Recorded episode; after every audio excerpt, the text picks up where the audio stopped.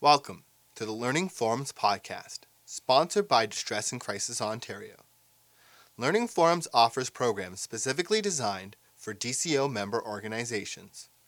This podcast is meant to inform, educate, and support your work. Enjoy the program, and we welcome your comments and feedback at learningforums.ca slash contact with the subject podcast.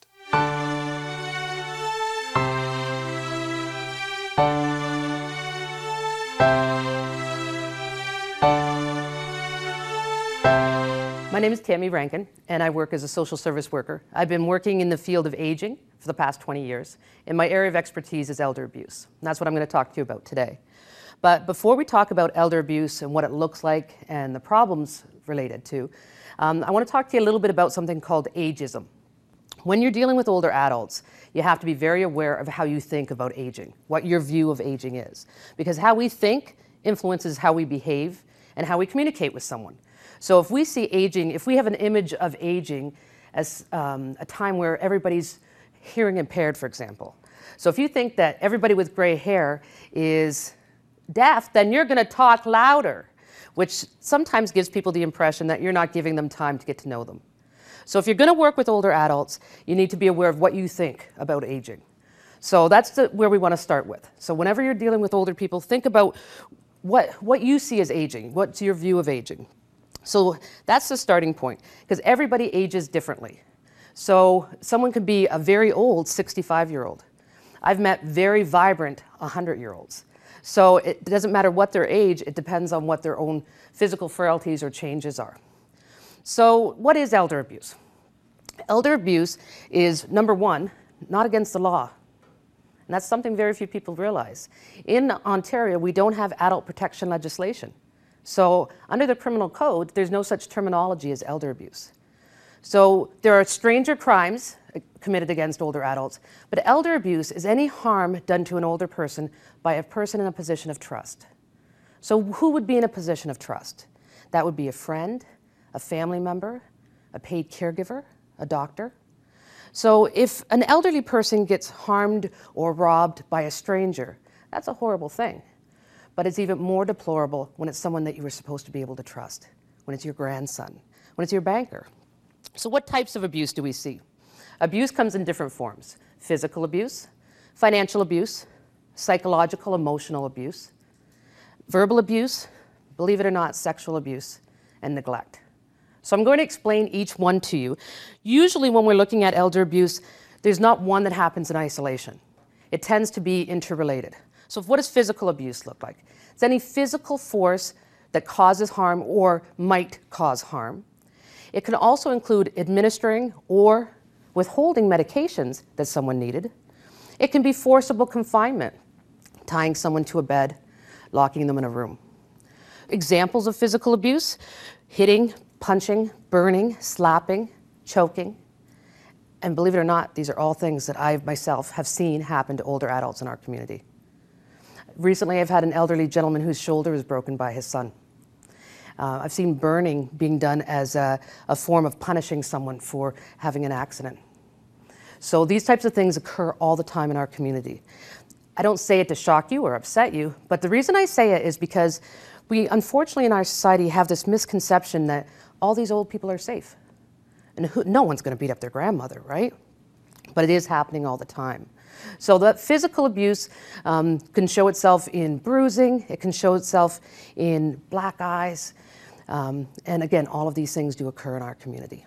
So what we watch for when we're investigating um, elder abuse is injuries that are not um, very similar to child abuse, but that are not concurrent with what the story is. So, for example, a lot of people think all old people fall. A lot of elderly people are prone to falls, but when you fall, you don't get two black eyes because you don't fall like this boom, boom. Going to land on something else. So, we have these people coming into the emergency department, two black eyes, grandma fell. That doesn't jive with what the story is. The most common type of abuse is financial abuse. That happens 80% of the time. In my experience, all of the abuses are rooted in money. So that's always the goal. Wrongful use of power of attorney is the most common type, and it's the most commonly reported. So, what happens is a power of attorney is a document that someone gives to another person when they're no longer able to manage their affairs. Unfortunately, there are many, many cases in our community where son or daughter or friend says, Now that I have this, I guess the money's mine. The biggest case I think I was involved with was uh, an elderly woman with um, uh, Alzheimer's disease, lived in a long term care facility. Her daughter had a significant gambling problem. So she felt it was necessary to take that $122,000 her mother had spent her whole life saving and spend it on her gambling problem, leaving this woman with no means to buy herself a wheelchair. So, just a deplorable situation. Now, it's not always family members or powers of attorney that are defrauding older adults. We do have problems in the community with um, different frauds and scams that target seniors because seniors, number one, do tend to have cash readily available. They don't, they're not part of the debit society, so they have actual cash with them, so they're easy to target. So for cash only scams, the driveway paving scam, where someone shows up and says, if you pay cash, I'll give you an extra deal, and then they leave with the money. So they do have the money available to them. They're more of a trusting society. Most older adults grew up in a time when you could leave your door unlocked. You could even sleep with your door unlocked. You could go out all day and your door would be unlocked. So they're now in a, a, society where obviously you can't do those things.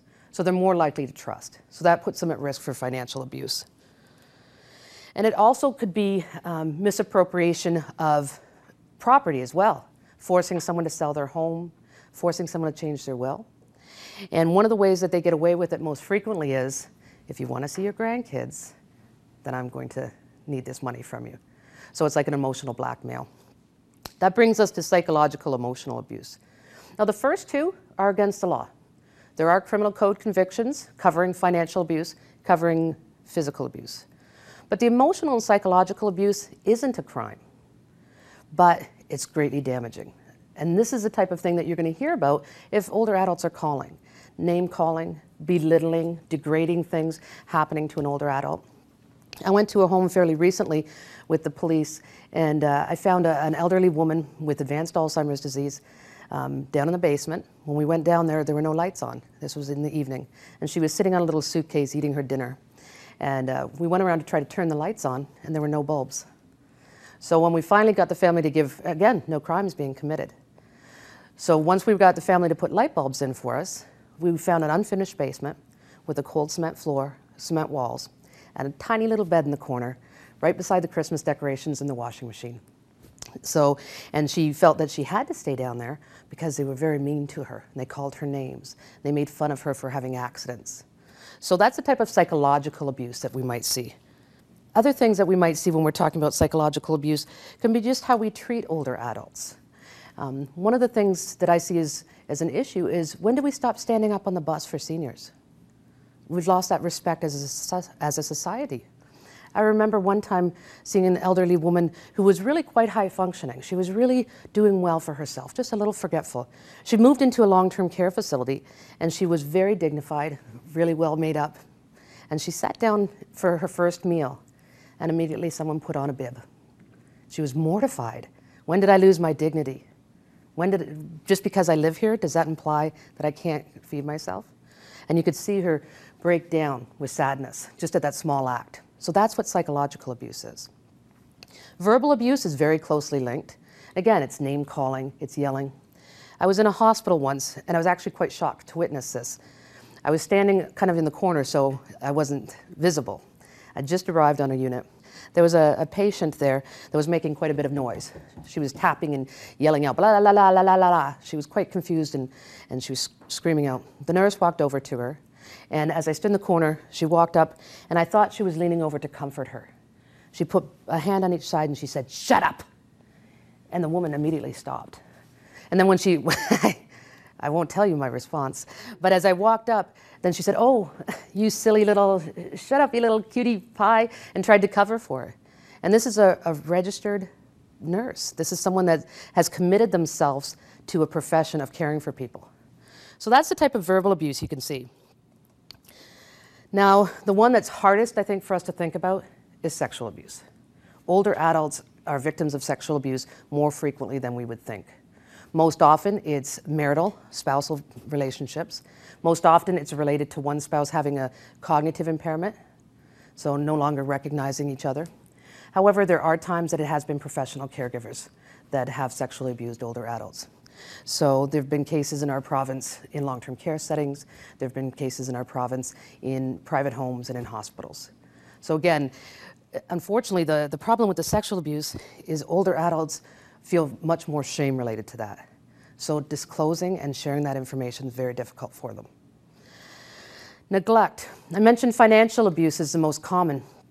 I would suggest that neglect's probably secondary. That's what we're seeing more and more in our communities all the time. And this is where um, older adults perhaps are reliant on their family members to care for them. And they're at home and they're waiting for someone to bring them groceries. They're waiting for someone to, to get them to their doctor's appointments.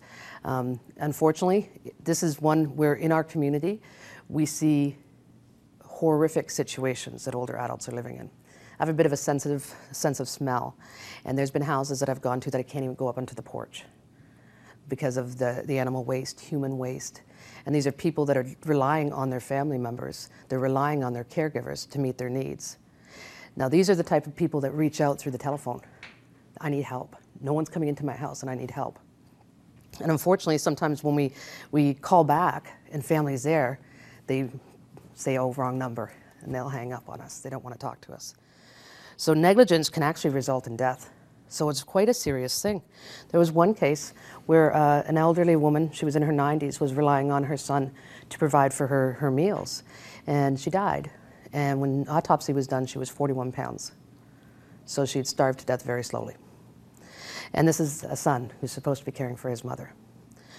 Again, these are the people that are going to call out and reach out for help. But elder abuse is highly underreported. So why do we keep it a secret? Well, the first number one reason is shame. I, let this happen to me. That's my son and daughter, and I raised them. I created these children. Or there's a fear of retaliation. If I say something, if he slapped me today, maybe he'll punch me tomorrow. Or fear of retaliation by saying, Yeah, you don't want to live here under these rules? Then I'm going to put you in a home. So, those types of things keep people fearful from reporting.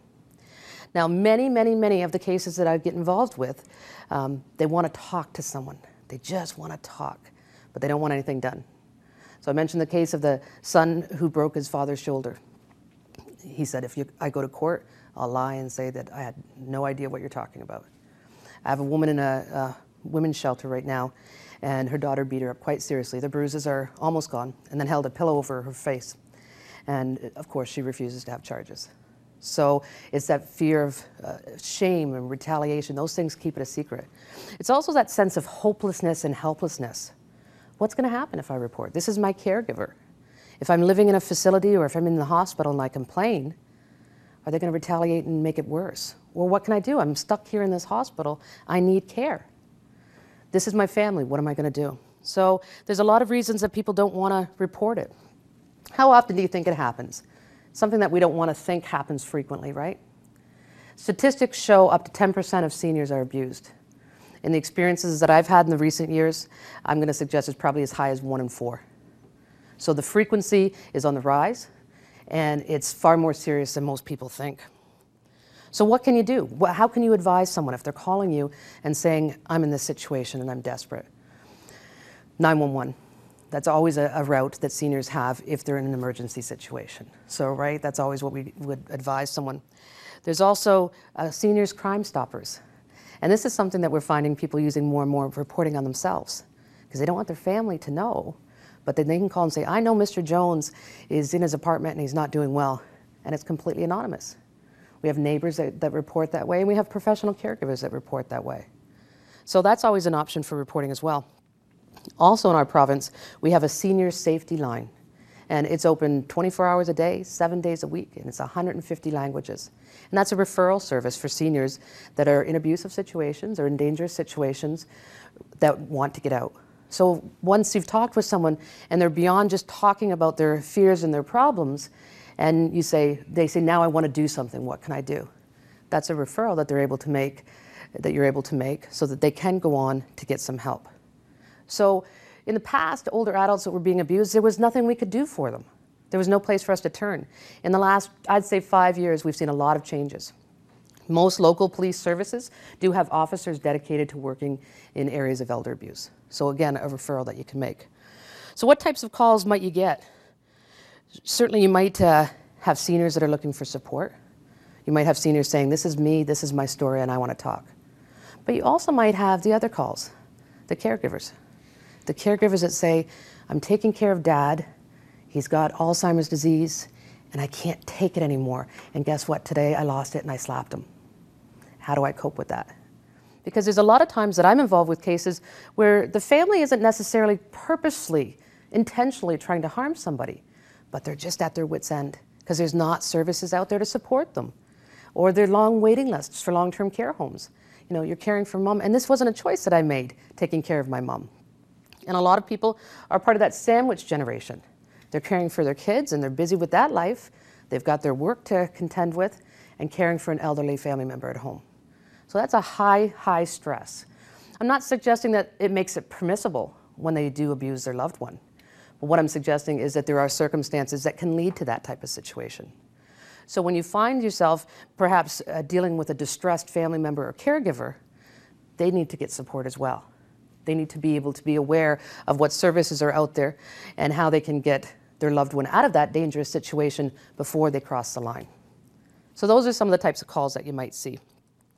So, overall, what our approach is in the province is trying to support older adults that are being abused, try to support caregivers and abusers. And ultimately, the goal is prevention. We don't want to have to deal with cases in the court system because it's very difficult for a 90 year old woman to sit up there and testify about her son. So, those types of things we have to be very aware of.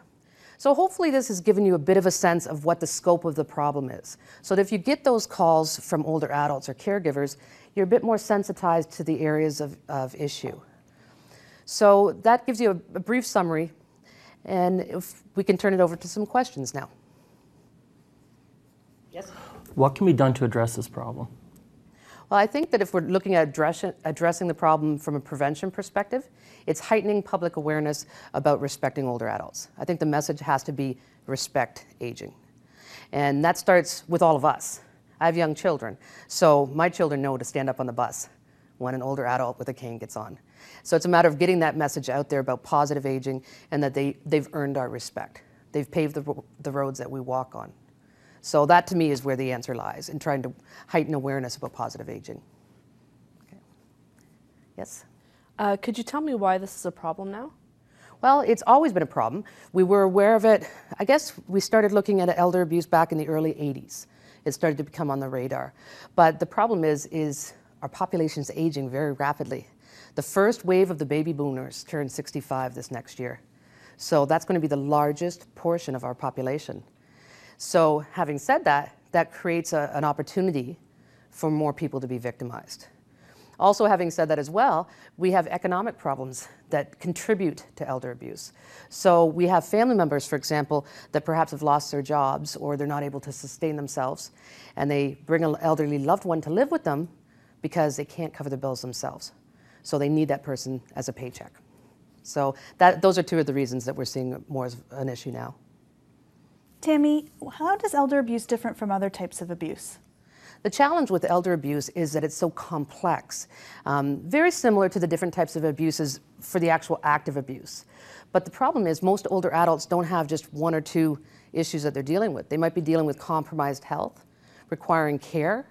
Uh, there might be compromised cognitive status, so they might not be able to, to manage for themselves.